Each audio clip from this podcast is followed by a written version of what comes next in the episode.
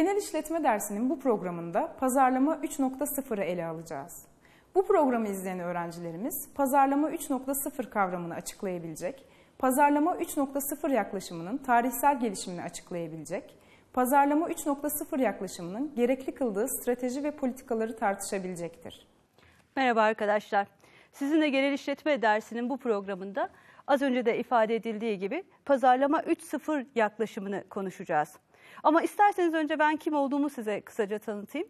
Ben Anadolu Üniversitesi İktisadi ve İdari Bilimler Fakültesi İşletme Bölümü Üretim Yönetim ve Pazarlama Ana Bilim Dalı üyelerinden doçent doktor Nezihe Figen Ersoy.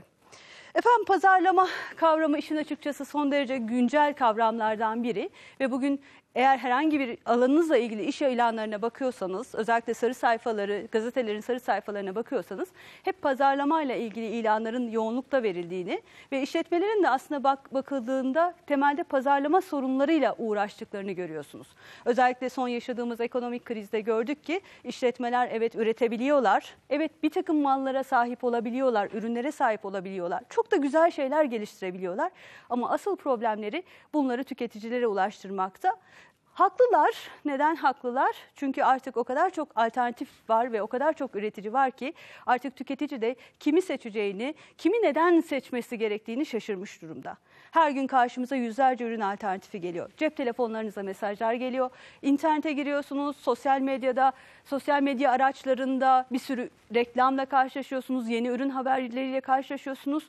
Tramvaya binerken durakta bir sürü ilanla karşılaşıyorsunuz ve herkes sizi üründen haberdar etmeye çalışıyor. Ve bir bakıyoruz ki aslında işletmelerin temel odaklandığı konulardan bir tanesi ve temel sorun alanlarından bir tanesi pazarlama. Pazarlama da çok dinamik bir bilim, çok dinamik bir kavram. Çünkü pazarlama hakikaten işletme fonksiyonları içerisinde, genel işletme dersinde gördüğünüz tüm işletme fonksiyonları içerisinde çevre koşullarından en fazla etkilenen kavramlardan bir tanesi. Bu yüzden de pazarlama sürekli gelişiyor. Neyin ışığında? İnsanların yaşamları değiştikçe, insanların algıları değiştikçe, ekonomik koşullar değiştikçe, teknolojik koşullar değiştikçe pazarlama sürekli buna karşılık veriyor. Ve geçmişte pazarlamaya baktığınızda pazarlama bambaşka bir şeyken bugün pazarlama artık bambaşka bir şey haline dönüşüyor. Ve sizler yarının geleceğin işletme yöneticileri olarak veya özellikle üst düzey yöneticileri ve karar vericileri olarak bu değişimi takip etmek ve pazarlamada oluşan değişimleri, anlayışlardaki farklılaşmayı önceden çözüp görmek ve bunu stratejik hareket haline dönüştürmek zorundasınız. Bugün de sizinle işte bu anlamdaki en son konulardan birini konuşacağız. Pazarlama 3.0 e, dünyada tartışılan yeni trendlerden bir tanesi. Dünyada da pazarlamanın gelişimi artık 1.0, 2.0 ve 3.0. Web ortamından bilirsiniz. Web 1'den, Web 2'den bahsediyoruz. Web 3'ten bahsediyoruz. Web 3.0'dan bahsediyoruz. Benzer bir anlayış pazarlama için de geçerli. Bugün sizlerle bu dönemleri ürünleri konuşacağız ve özellikle e, bir örnek firma da getirdim. O örnek firma üzerinden de tabii ki ismini burada e, tartışamayacağız ama küresel bir firmanın pazarlama 3.0 örneğini, stratejisini e, sizinle tartışarak en azından bu konuyu bugün bir parça olsun sizlerle paylaşmaya ve sizlerin de akıllarınızda bu konuya ilişkin temel yer etmeye çalışacağım. İsterseniz ilk önce bir pazarlama nedir diye başlayalım. Pazarlamanın en bilinen tanımı bu. Aslında bugün Türkçe kitaplara da baksanız, yabancı pek çok kitaba da baksanız pazarlamanın kişi ve örgütlerin amaçlarına ulaşmak üzere ürünlerin, hizmet ve düşüncelerin yaratılmasını, fiyatlandırılmasını, dağıtımını ve tutundurmasını ilişkin çabaları planlama ve e, uygulama sürecinden oluşan bir faaliyetler bütünü olduğunu gösterir ekrandaki tanım. Bu tanım son derece iyi tanımlardan bir tanesi ancak günümüz açısından geçerliliği bir parça yitmiş tanımlardan bir tanesi. Bu tanım önemli çünkü biz bu tanımda pazarlamanın aslında hangi faaliyetleri kapsadığını, hangi temel faaliyetlerden oluştuğunu görüyoruz. Gördüğünüz gibi bu tanımda yaratımdan, malların, hizmetlerin ve düşüncelerin yaratımından başlıyor. Demek ki herhangi bir ürünü örneğin şu cam bardağı ürettikten sonra başlamıyor pazarlama. Daha sizin bu cam bardağı olan ihtiyacınızı keşfinden başlıyor. Bu cam bardağı nasıl olması gerektiğini, tüketicinin bu cam bardağı nasıl hayal ettiğini keşfediyor. Bunu şirkete anlatıyor. Üretim departmanını yönlendiriyor. Ardından tüketicinin bu cam bardağa ne kadar değer vereceğini gösteriyor ki eğer öyle olmasa standart hemen maliyetlerin üzerine standart bir %10 karla biz bu işi yapabilseydik fiyatlandırmayı bugün marka dediğimiz şey olmazdı. Hatırlarsanız otomobil biliyorsunuz otomotiv, otomobil markaları var. Aynı segmentte markalar arasında bile dünya kadar fiyat farkı var. İşte buradan çıkıyor ürüne tüketici ne kadar değer veriyor? Bu ürünü ne kadardan satın alır? Talep hangi fiyattan oluşur? Bunu gör, görüyor e, pazarlama. Ardından bu ürünün nasıl dağıtılabileceğini, bu ürün son satış noktası neresi olacak? İnternetten mi satılmalı? Markette mi satılmalı? Köşe bak başındaki bakkalda mı satılmalı? Yoksa kendi satış bürolarınızı mı, kendi satış şubelerinizde mi satılmalı bu ürün? Bunu belirliyor. Kime göre? Sizin alışkanlıklarınıza göre, sizin isteklerinize göre ve bunu da size doğru biçimde iletmeye çalışıyor. Ne yapıyor? Reklam yapıyor promosyon yapıyor, kişisel satış çabalarını koordine ediyor, halkla ilişkiler faaliyetleri yapıyor ya da etkinlikler düzenliyor ve size yaptıklarını anlatmaya ve size bir takım bilgiler vererek sizi kendinden haberdar etmeye çalışıyor. Ancak pazarlamanın bu temel tanımı dediğim gibi çok klasik tanımlardan bir tanesi ve daha çok 1980'leri 90'ları daha fazla anlatan o dönemin koşullarını daha fazla ifade eden tanımlardan bir tanesi. 2000'li yıllara geldiğimizde pazarlama bir parça şekil değiştiriyor, kimlik değiştiriyor ki dersin sonunda bu tanımı tekrar sizinle konuşacağız. Çünkü pazarlama 3.0'a göre pazarlama yeniden tanımlanıyor. Ancak burada az önceki gibi ürünün tasarlanmasından bahsetmiyoruz. Tam tersi değer ifade eden önerilerin geliştirmesinden. Çünkü ben artık size yaşam biçimi vermeye çalışıyorum. Yaşam biçimine ilişkin, yaşam tarzlarına ilişkin, yaşam tarzının bir parçası olmaktan bahsediyorum. Bu önerileri geliştiriyorum, bunları size aktarıyorum. Bunları değişimini yani el değiştirmesini sağlamaya çalışıyorum. Ve bunu yaparken de sadece bölümümde uğraşmıyorum. Bölümümle birlikte işletme ve işletmemin dışındaki bana destek olan tüm paydaşlarımı sürecin içerisine katarak pazarlamayı bir işletme, neredeyse bir işletme üstü fonksiyon haline dönüştürüyorum. Bugün işte dersimiz boyunca sizinle bir önceki tanımdan bu tanıma gelinceye kadar geçen süreç ne, neden tanımlar değişti ve günümüzde pazarlamanın yorumu nedir? Onları konuşmaya çalışacağız, onları tanımlamaya çalışacağız. Bir önceki tanım bizim daha çok pazarlama 1.0 ve 2.0 dediğimiz dönemi anlatıyor. Ne demek istiyorum aslında? Ee, aslında demek istediğim şey şu. Çok önceleri ne düşündüğünüzde örneğin 1900'lü yılları e, sanayi devrimini, 70'li 80'li yılları ki onlarla ilgili çok film seyrediyorsunuz. Aslında günün koşullarını da görüyorsunuz oradaki insanların nasıl yaşadıklarını. Özellikle dizi filmlerden, sinema filmlerinden, tiyatro oyunlarından 70'li yıllar nasıl, 80'li yıllar nasıl, öncesinde nasıllar. İşte o döneme baktığımızda o dönemin koşullarında biz nasıl yaşıyoruz? Biz aslında çok standart yaşıyoruz. Fordizm denen bir dönem var ki bu Fordizm denen dönemde biz kitlesel üretim ve kitlesel tüketim prensibiyle yaşıyoruz. Yani hepimizin ürettiği şey sınırlı, hepimizin ürettiği şey birbirine benziyor. Çünkü talep fazla ama bizim üretme imkanımız az. Öyle olunca da ne yapıyorsunuz? Daha çok üretmek üzerine odaklanıyorsunuz. Yani karşınızdaki tüketicinin hangi renk araba istediği önemli değil. Karşınızdaki tüketicinin kotunun rengi, modeli sizin için önemli değil. Önemli olan ona kot verebilmek. Çünkü zaten benim problemim kot üretmekte ve talebi karşılamakta, yeterince talebi karşılamakta. O zaman ben işletme olarak pazarlamada neye odaklanıyorum? Pazarlamada daha çok ürünün fonksiyonları nedir? Ben daha çok ürün nasıl üretirim sorusuna odaklanıyorum. Ve bu anlamda baktığınızda ürünler son derece basit ve bu anlamda yine baktığınızda sadece ve sadece kitlesel pazara sunulmak ve mevcut talebi karşılamak için tasarlanan ürünlerden bahsediyorum. O dönemde de pazarlama sadece ve sadece üretilen ürünlerin yani şu bardağın e, müşteriye doğru biçimde, alıcıya doğru biçimde tesliminden ibaret olan faaliyetler olarak algılanıyor. Bu aşamada hedef standartlaştırmak. Çünkü insanlar da standartlaştırmaya özgün bir tüketim biçimi sergiliyorlar. Herkes birbirine benzemeye çalışıyor. Sosyal sınıflardan bahsediyoruz, sosyal sınıf göstergelerinden bahsediyoruz. Bir sosyal sınıfa yükselebilmek için sizin ne yapmanız lazım?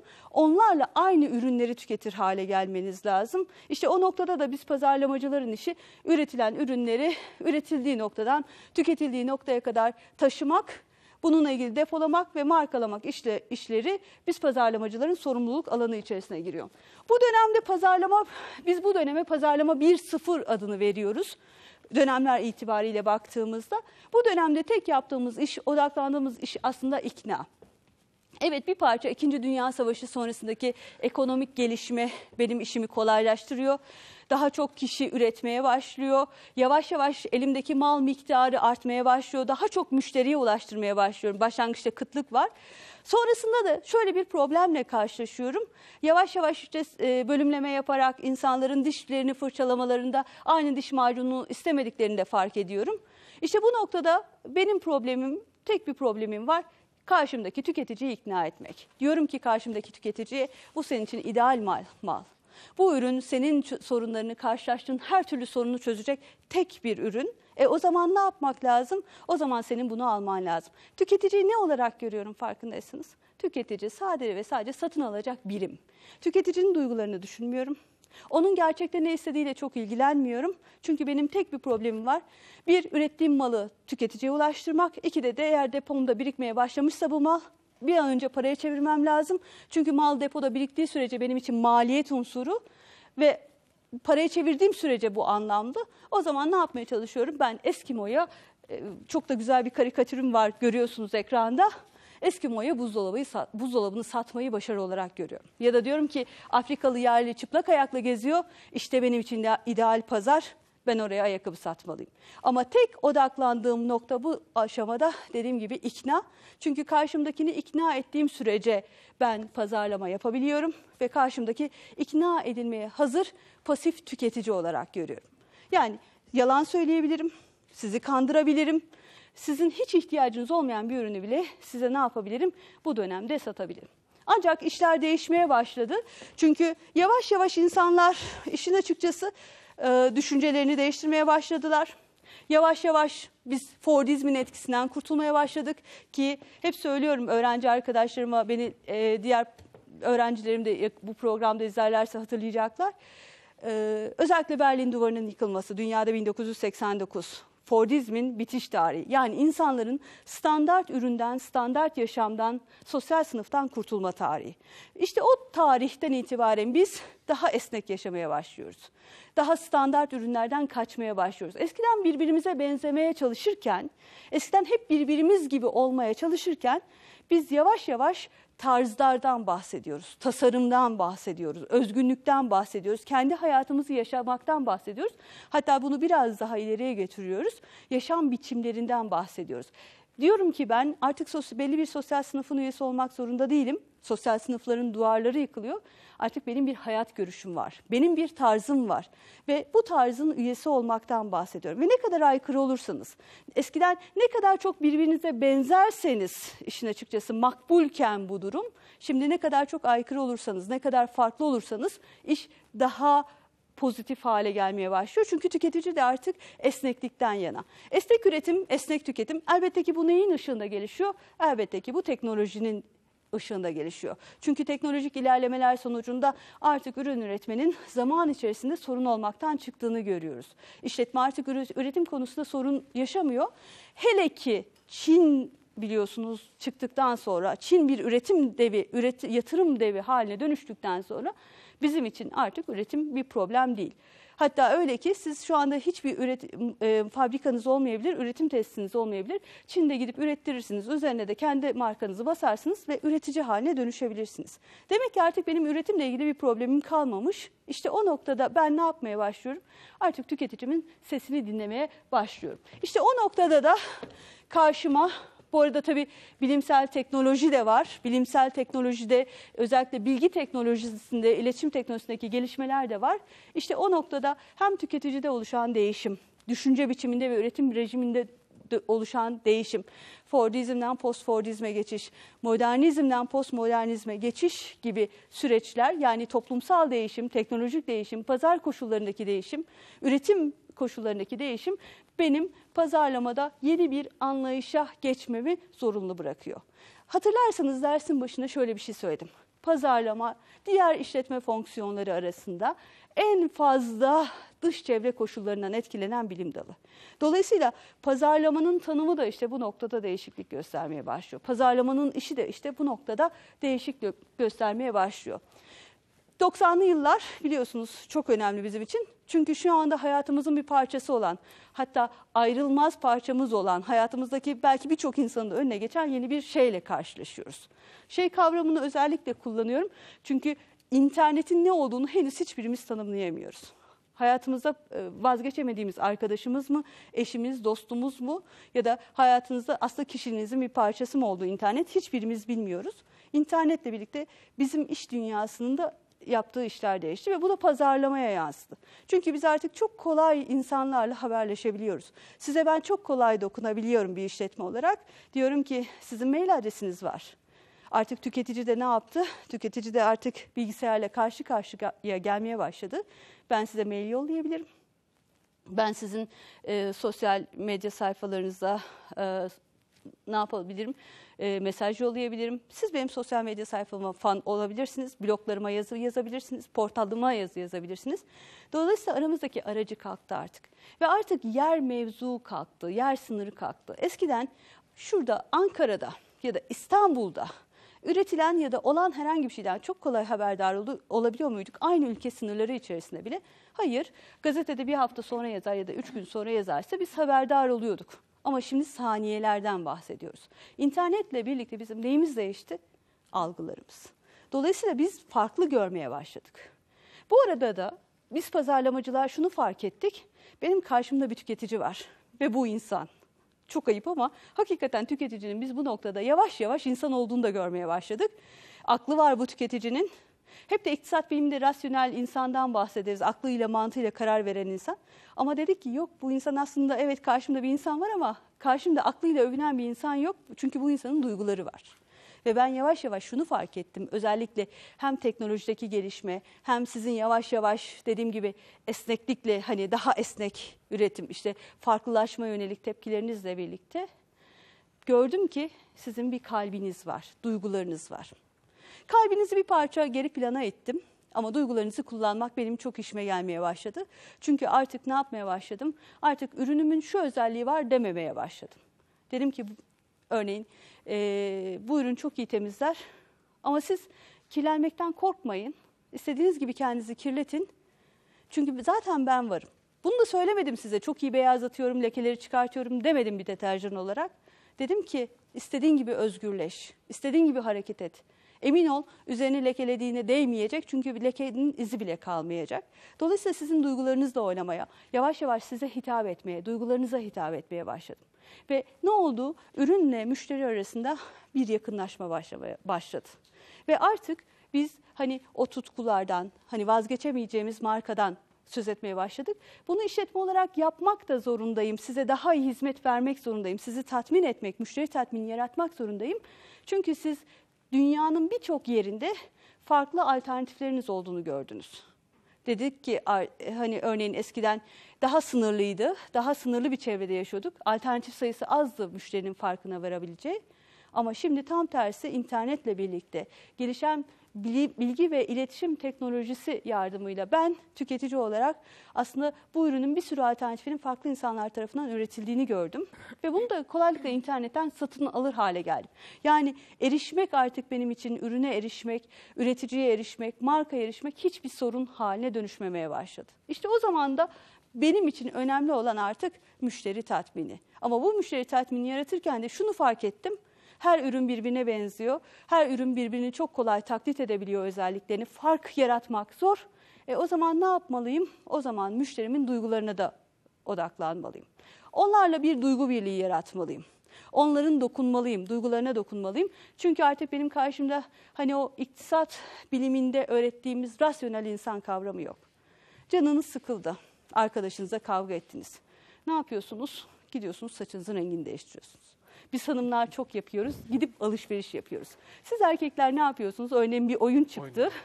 E, oyun için gecenin bir yarısı gidip sıraya girip sabaha kadar hani oyunun satıldığı yerde bekleyebiliyorsunuz. İşte mantıklı, rasyonel insan kavramında sadece aklıyla karar veren insandan yola çıkarsak bu davranışları açıklayamıyoruz. Çok mutsuzsunuz. Ne yapıyorsunuz? Eğer çok mutsuzsanız kendinizi mutlu edecek yollar arıyorsunuz. Alışveriş hiç düşünmeden alışveriş yapıyorsunuz. Ya da bir alışveriş şeysine gittiniz, markete gittiniz, alışveriş noktasına gittiniz. marketin fırınından kesif bir ekmek kokusu gelmeye başladı. Karnınız da aç. Hiç düşünmeden alacağınız ürünlerin dışında hatta kim zaman gerçekten almak istediğiniz şeyi unutup hiç almayacağınız şeyleri de alabiliyorsunuz.